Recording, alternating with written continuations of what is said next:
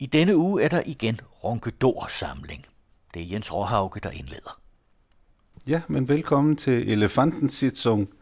Vi er i dag tre ronkedorer, der sidder og skal diskutere tre fagbøger. Det er Nikolaj Ifersen. Ja. Hvad har du med? Jeg har en med, der hedder Soldater om krig, drab og død.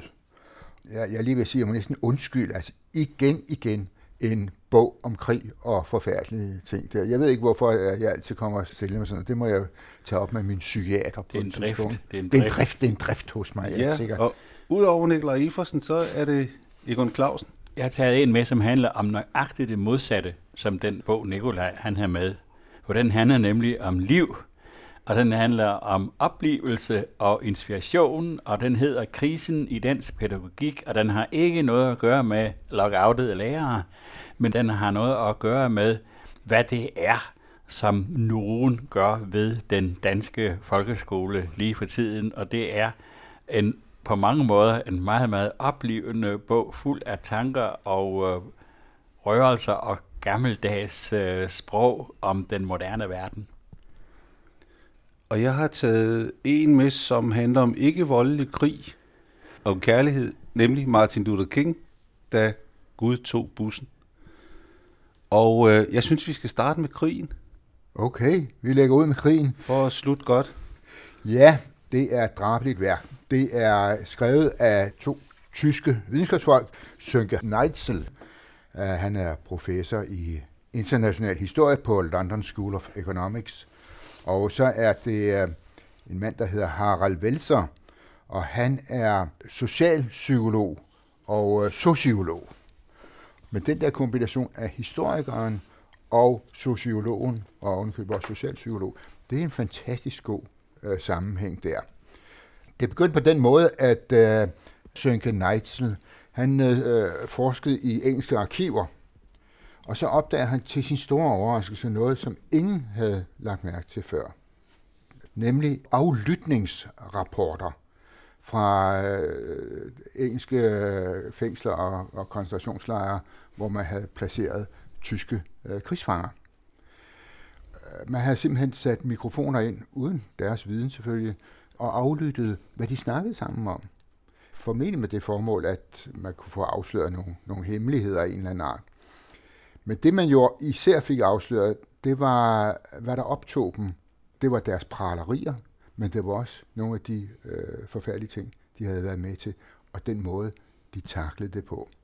Og det er sådan set noget af det rystende i den bog. Det er jo øh, disse dokumentationer for, hvor forførte de var de stakkels soldater. Hvor let de var kommet ind i brutaliteten og i, i, i redslerne, hvor meget de havde vendet sig til det. Og det kan historikeren så øh, rise op, og så kommer jo sociologen, psykologen og, øh, og analyserer det, hvad det er, øh, der sker der. For eksempel, der er aflytning af mange øh, uh, luftwaffepiloter og øh, folk fra, fra bombefly, øh, tyske bombefly, som er sluppet levende på, ned på jorden i, i England og øh, taget til fange. De taler om, hvor, hvor hurtigt de vendede sig til at smide bomber i hovedet på folk. Eller at skyde på soldater og på øh, civilbefolkning. Og det går igen, at første gang de gør det, der, der, der er det rejsesfuldt. Det er forfærdeligt. Så næste gang, så så siger nå jamen okay, det, det er jo for fædrelandets skyld og så videre, og nu gør vi det bare. Men det ender for utrolig mange af dem, til det bliver et spil. Ligesom vi i dag kan sidde ved vores computer og spille øh, krigsspil og så videre, så bliver det spil for dem. Med højlydt grinen og alt muligt. Ah, nu skal jeg lige se, om ikke jeg lige kan snuppe den bil, der kommer der. Ah, ah halløjsa, der går en, en kolonne af. Ah, det er vist civil. Nå, skidt med det. Bup, bup, bup. Og så tager de dem. Altså, det bliver en, en underholdning for dem at skyde. Sjælekval, det var noget, der sjældent optrådte hos de soldater. Nu var det lettere for luftvaffefolk, altså for øh, flyvende øh, piloter og sådan noget der, at foretage de der drab og øh, bumpning og så videre, på grund af en, af en fjernhed, en afstand. Det bliver så noget anderledes, når man kommer tættere på, og man praktisk talt kan se fjenden i øjnene, altså slå ihjel. Og øh, man ved så også, at når man kommer endnu tættere på, så kommer vi sådan over i Øh, hvad skal vi sige, der Gestapo og, og den slags ting der, og koncentrationslejrene, hvor de rent faktisk går helt hen til folk og, og nakkeskyder dem, eller skyder dem lige for panden og så videre. Der bliver det så øh, endnu vanskeligere.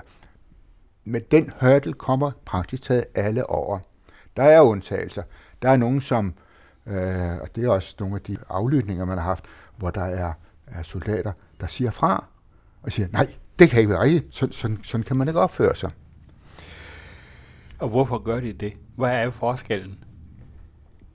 Jeg tror, det er en individuel forskel. Altså, der er enkelte, det er jo ikke mange, men der er enkelte, som har en, hvad skal jeg sige, en moralsk habitus, som gør, at, øh, at de siger fra. Man kunne forestille sig måske, at det var noget med religion. At ja. der er nogen, der har en, en, en, en autoritet i det religiøse univers, som gør, at de ikke vil. Fordi der er en, en anden autoritet, som siger til dem, det her, det må du ikke. Nej. Det er, men det ved jeg ikke. Er det det? Nej, det, det, det er der faktisk ikke redegjort for, og det, det, det optræder ikke, om det er. Men, men dertil kan man så sige, at den tyske kirke blev, var jo kolossalt nazificeret. Jo, jo, men man kan også, man kan også, det behøver ikke at være religion, det kan også godt være politik, altså det kan også være filosofi. Altså, det kan det godt være, ja, ja. Et andet sted Ja. er der bare, Ja. ja. når, når der er nogen, der siger fra, så er det tit fordi, de har, mener Jo, jeg i hvert fald, Nå, jo, men det er- de det- har en autoritet, som de kan henvise til, og som taler til den, og som er stærkere end den situation eller den tradition, som de befinder sig Det er i. klart, men, men, men den autoritet, men det er jo så også det, du siger, den behøver jo ikke være en guddommelig autoritet. Altså, hvor- er kommer en, en moralsk øh, høj stade, ikke? Altså, det, det kan jo komme på mange forskellige ting. Men det er et særpræget moralsk univers, de befinder sig i. Og det bliver ikke mindre særpræget af, når man, når man henholder sig til, hvad øh, blandt andre Heinrich Himmler, som hvad skal vi sige, er en af indbegreberne af, af, af grusomhed, han dikterede, nemlig at, at de skulle have et højt moralsk stade. Men det gik alene på, at de ikke måtte berige sig selv, og de ikke måtte have personlige fordele af det, de gjorde. Altså, de kunne rask væk øh, øh, slå ufattelige mængder af jøder ihjel, bare de ikke stjal deres sko eller penge eller øh, guldtænder. Hvad er læren af det? Hvilken lære kan man uddrage af den? Læren, mener jeg, vi kan uddrage af det, er, at vi er alle ofre. Eller vi kan alle blive ofre for den slags ting der.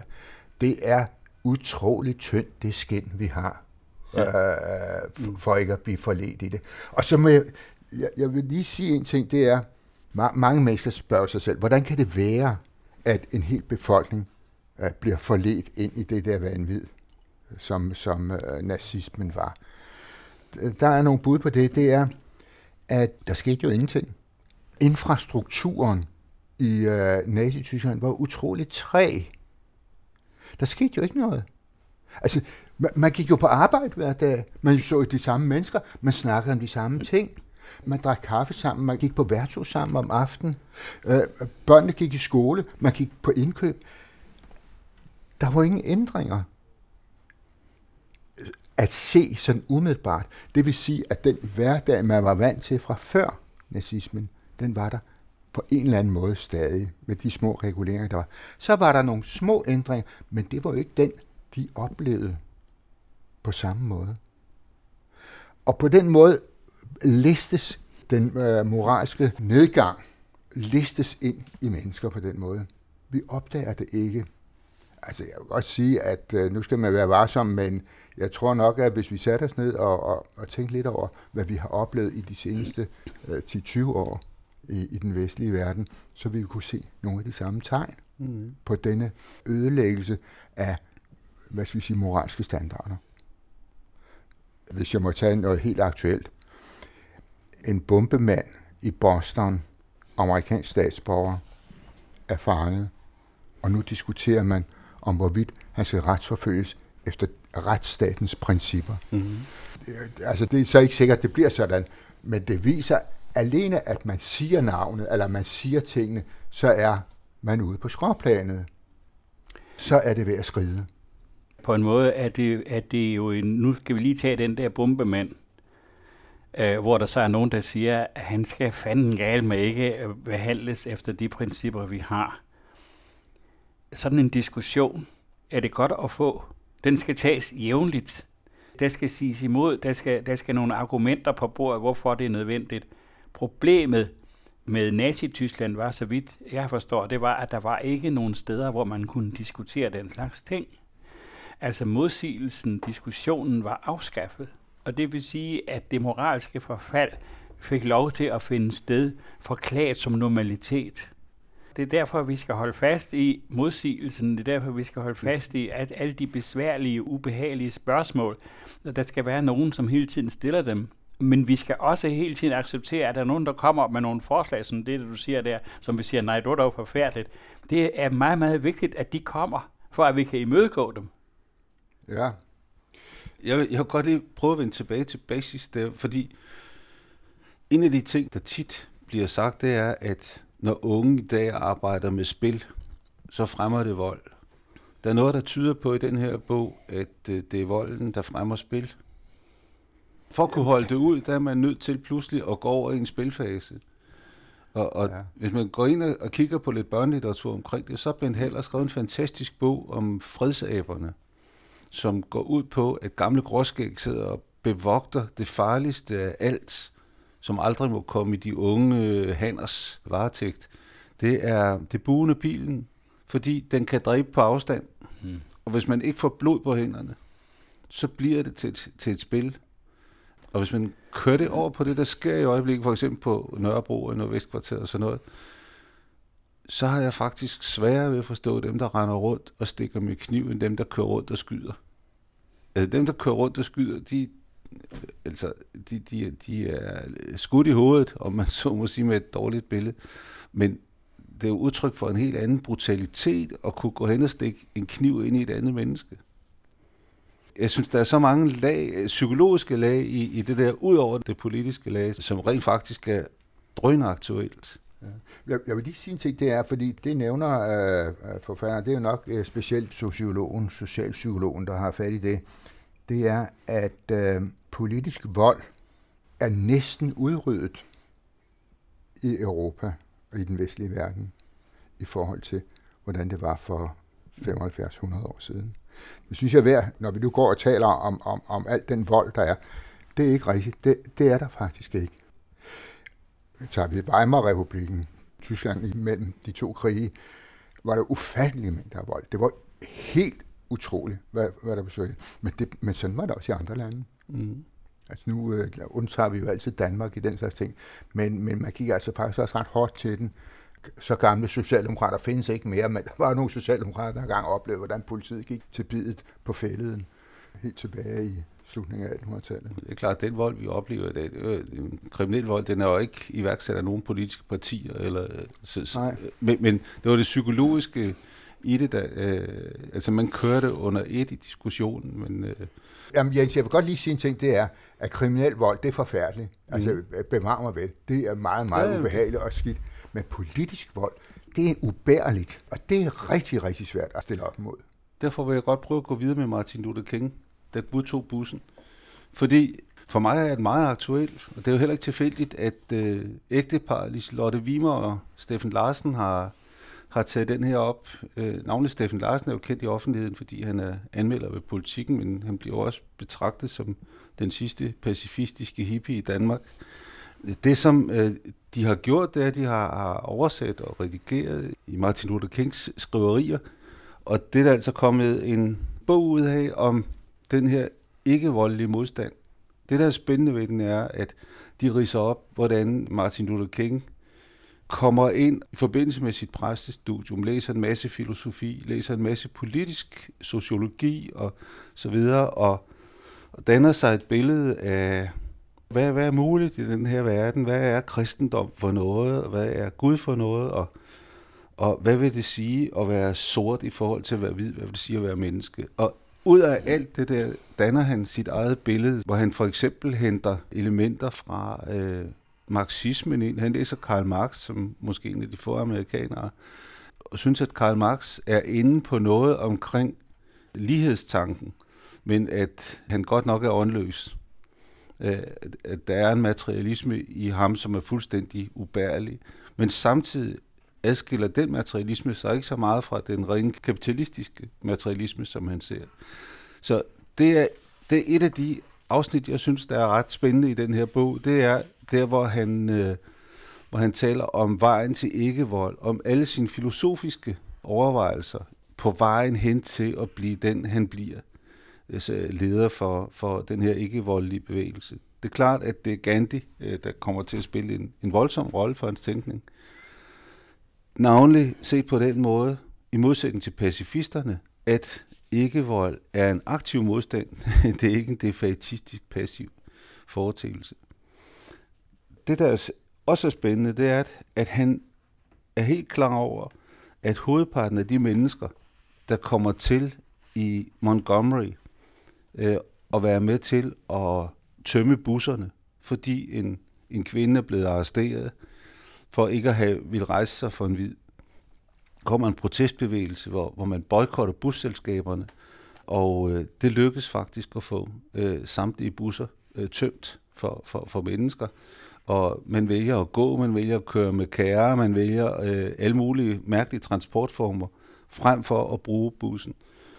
Han ved, at hovedparten af dem, ligesom alle andre amerikanere, går ind for våben. At, at de selvfølgelig øh, ikke er ikke voldelige. Men fordi de har en tillid til, til ledernes moralske integritet, så bakker de op omkring det og gennemfører den her ikke voldelige øh, boykot, som strækker sig over lang tid. Samtidig viser han, hvordan modstanderne, altså øh, bystyret, bruger fabelagtige, øh, luskede metoder, øh, som løgnagtige beskeder til folk. De sidder på, på hele kommunikationsapparatet. De sender den ene løgnagtige besked ud om, at nu er der indgået forlig og sådan noget, så nu skal folk tage busserne igen. Så han har altså dels det, det politiske håndværk, beskriver han, hvordan kan man starte sådan en bevægelse i et samfund, øh, som egentlig er voldeligt.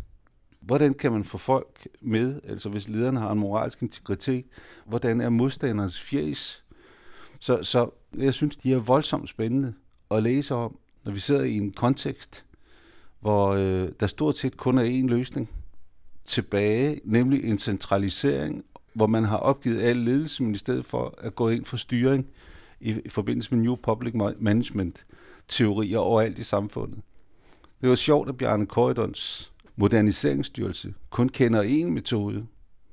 Øh, det her, jeg synes, det er så inspirerende at læse Martin Luther King. Der, der findes andre metoder, og de er alle sammen filosofisk begrundet, men, men trækker øh, næring ud af, af de forskellige strømninger, der har været i vores fortid, og kombinere dem på en moderne vis, og så får man faktisk en gennemslagskraft. Den, den der demonstration med busserne, med at lade være med at tage bussen, øh, er der andre eksempler på, på hvad skal vi sige, fredelige, pacifistiske aktioner? Det var den aktion, der fik øh, pacifistiske aktioner over hele USA til at brede sig. Det er det, som den handler om. Man rammer for det første bystyret på, på ansigtet, fordi man får afsløret, at de er løgnagtige, når, når de har sendt falske meddelelser ud, og man så går til pressen og afslører det. Altså ligesom man er i gang med at afsløre øh, partiet Venstre i, i øjeblikket. Det, jeg håber, det lykkes. Mm fordi det, der er ingen forskel på dem og, og, og Socialdemokraterne, bortset fra, at de var småkriminelle. Så det er fint nok. Altså den der afsløring og demaskering, det, det er et af elementerne, hvor de, hvor de vinder en sejr, som så breder sig i, i USA. Det andet, det er, at, at man rent faktisk viser, at man kan ramme, fordi man er så mange, så kan man ramme kommuner og, og folk på, på pengepunkten. Ja, og den bredt til, øh, til andre steder end Montgomery. Ja. Og hans, øh, hans idol Gandhi har jo også vist, at Ja.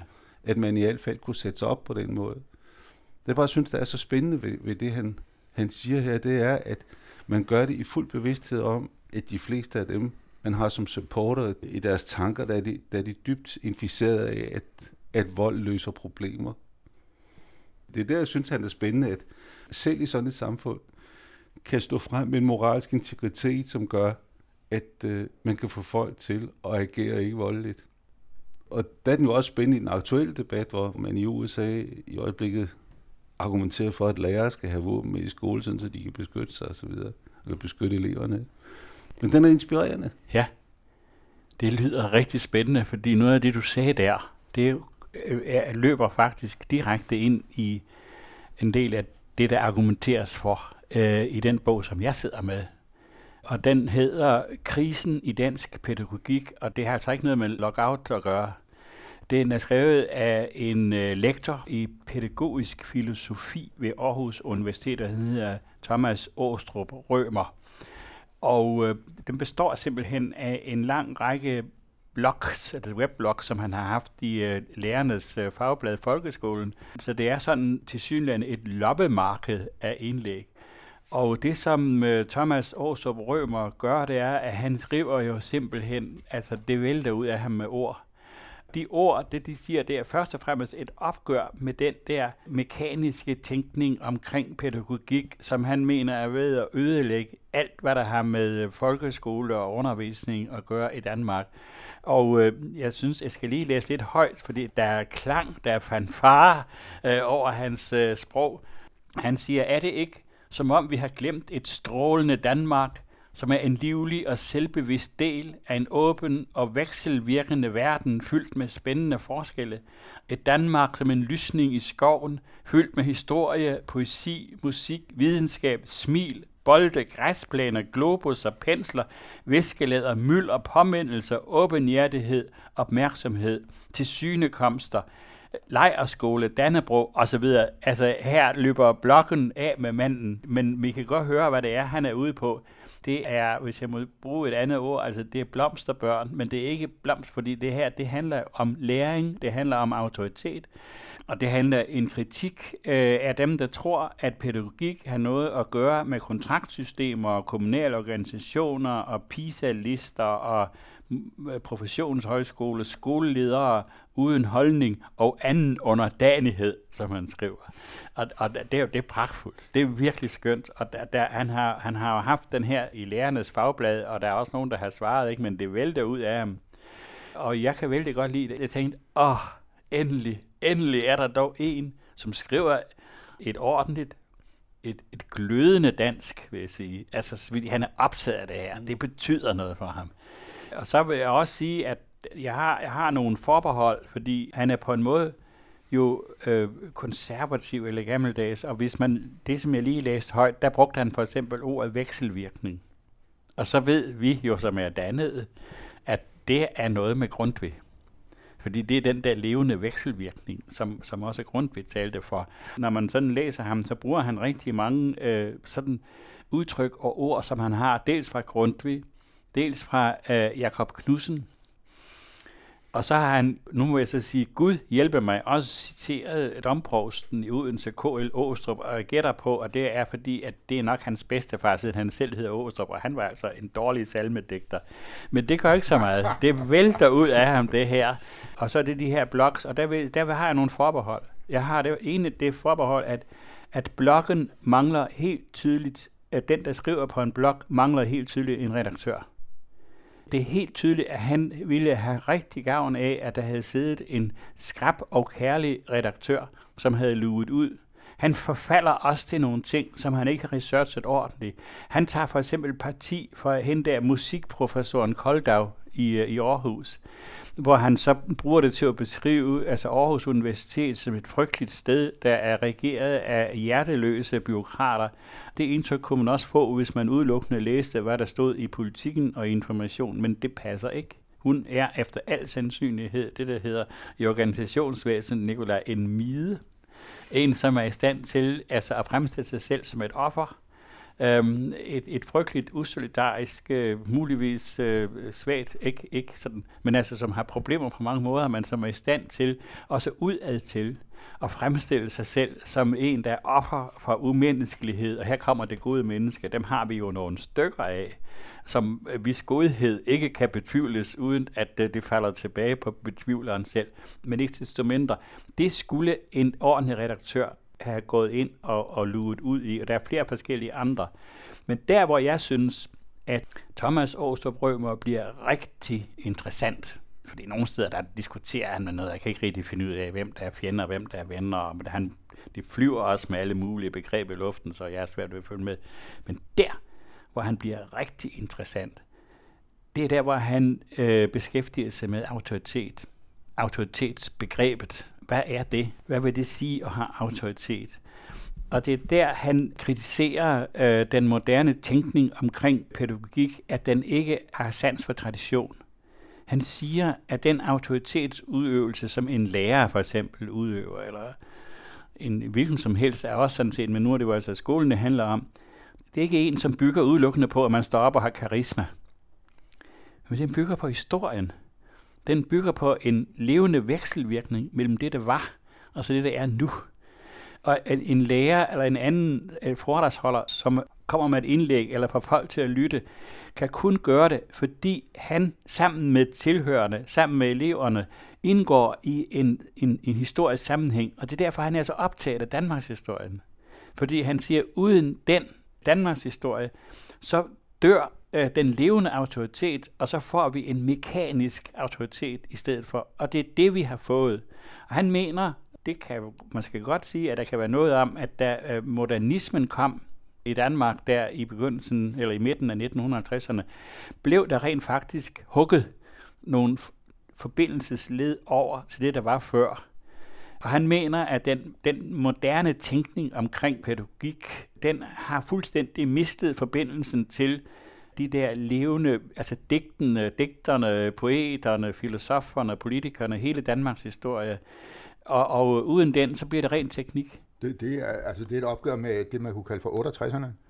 Øh, det er det til en vis grad, og det selvfølgelig, jeg må selvfølgelig også meget krænket over, da jeg, da jeg læste det, og, og der har jeg også sat nogle røde mærker, for det der tager han fuldstændig fejl igen.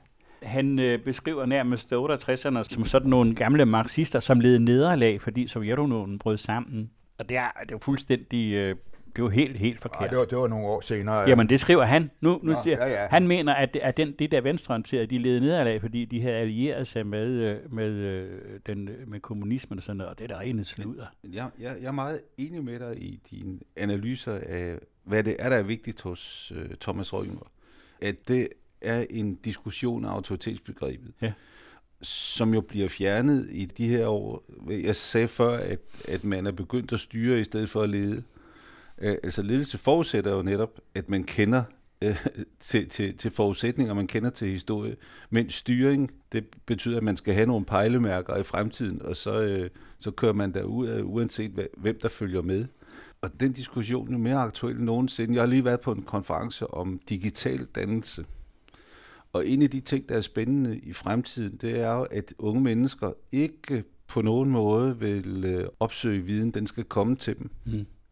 Og det vil altså sige, at øh, de sociale medier, de der kommer til at beherske dem og sender beskeder ud, som fanger de unge, det er dem, der får magten. Det betyder, at der er ikke nogen dannelsesmæssig øh, kritisk tradition, der bliver holdt i live af det system. Og der mener jeg, at hans autoritetsbegreb lægger en forpligtelse på alle os, der har med pædagogik at gøre, om at insistere på den der øh, kritik i forhold til magten. Ja, og jeg vil godt lige vende tilbage til det der med 68'erne, fordi det er rigtigt, Nikolaj, du sidder der og, øh, og lægger nu en, øh, en fordom øh, øh, frem, som rigtig mange mennesker tror på, men som ikke har bund i virkeligheden. Hvad er det for en fordom? Nemlig, at 68'erne, det var sådan nogen, som afskaffede al form for autoritet. Det var overhovedet ikke det, der var tale om. Nej, nej, de, det, der var tale om, det var, nye former for autoritet. hvordan forvalter vi i fællesskab autoriteten? Og 68'erne, sådan som jeg kender dem, bygger jo også på en historie. Det var jo os, der blev rigtig begejstret for Grundtvig. Det var jo os, som byggede på, på, på en tradition, som blev stanset øh, af, af fascismens øh, frembrud i 30'erne og i 20'erne. Det var os, der hentede reformpædagogerne ind, så helt fra begyndelsen af, af 1900-tallet, hvor der, vi har haft nogle store øh, øh, pædagoger i Danmark, men vi har også haft nogle, nogle, nogle ude i verden. Og det var os, der pegede på dem under skrig og skrål på folk, som synes, at det her, det skulle altså handle om dannevirke, og jeg ved ikke hvad. Ej, Egon, og det var Egon, de konflikter, Egon, vi var ude i. Egon, øh, så, og, og sådan nu, nogle konflikter, nu, mener nu, jeg, er utrolig vigtige. Jamen, Nikolaj, du må gerne protestere. Det er jo klart ikke, når man ja, bliver belært. Det kan du tro, jeg ja, fordi når, fordi når man opdager noget nyt, så er det ja, klart, at det kan virke vældig provokerende. Ja, det kan jeg høre, det gør her. Jamen, men ikke desto mindre, så er det sandt, det altså, som du bliver præsenteret for. Egon, jeg vil godt sige, jeg er født i 1900-tallet, ikke? og, og, og jeg har også, øh, jeg, jeg, altså vi er stort set næsten lige gamle. Ja, jeg er meget ældre. Jeg er meget, Ja, i visse henseender er du meget Ja, ja, ældre. ja, altså, Men- jeg, jeg, ved du hvad, jeg går i skole efter skoleloven af 1814. Ja, Ikke? I- I- Det er da en vis alder. All right, ja, men, uh, jeg gik i en Københavns Kommuneskole, og det var endnu værre, kan jeg godt hilse at sige. Nej, Egon, sagen er, at selvfølgelig var det brud helt nødvendigt. Det måtte komme, og, og, og, og det var jo en frisk vind. Men for nu at citere, hvad øh, nogle af de såkaldte 68'er, som i øvrigt er et fuldstændig vanvittigt udtryk, uh, sagde, det er, at man kan jo altså ikke lave æggekage uden at slå æg i stykker. Og det er jo et gammelt Lenin-citat, ikke, så vidt jeg husker. Det siger jo noget om det, ikke? Det er, at der var også en kynisme i det. Jeg vil godt lige så sige, at, at øh, jeg kom ind i den der verden der i 1967 øh, og begyndte at skrive, jeg købte en skrivemaskine, og så var ulykken jo sket. Min oplevelse er, at jeg, for mit eget vedkommende i hvert fald, er blevet taget imod med stor åbenhed fra dem, som sad på nogle af de betydende poster i den pædagogiske verden. Jeg blev inviteret med ind i undervisningsministeriet og spurgte, om jeg ville sidde i udvalg. De sagde, mener du det? Jamen kom, lad os høre, hvad du har at sige. Altså, der var i blandt de ansvarsbevidste folk i ledelsen af den danske folkeskole en helt klar opfattelse af, at vi er nødt til at lytte til de unge, fordi det her, det går ikke længere. Altså, jeg kan godt nævne navnen på folk, som jeg faktisk beundrer meget. Holger Knudsen, for eksempel, er rigtig klog mm. mand, og, og der var rigtig mange af os andre, som jeg så traf ind i ministeriet. Så det der med, at det var sådan nogle oprør, der væltede møbler og slog æg i stykker. Nej, vi blev inviteret med indenfor og, og, og spurgt, vil du være med til at udvikle det her?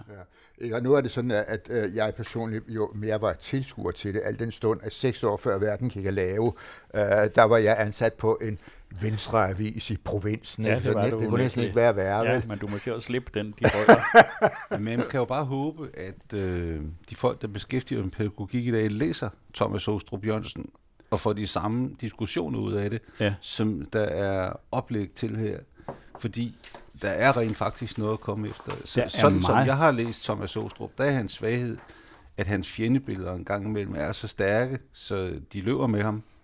Men, men øh, hans autoritetsdiskussion, den er mere nødvendig end nogensinde. Eftersom folkeskolen øh, simpelthen lider under en mangel på ledelsesmæssig autoritet.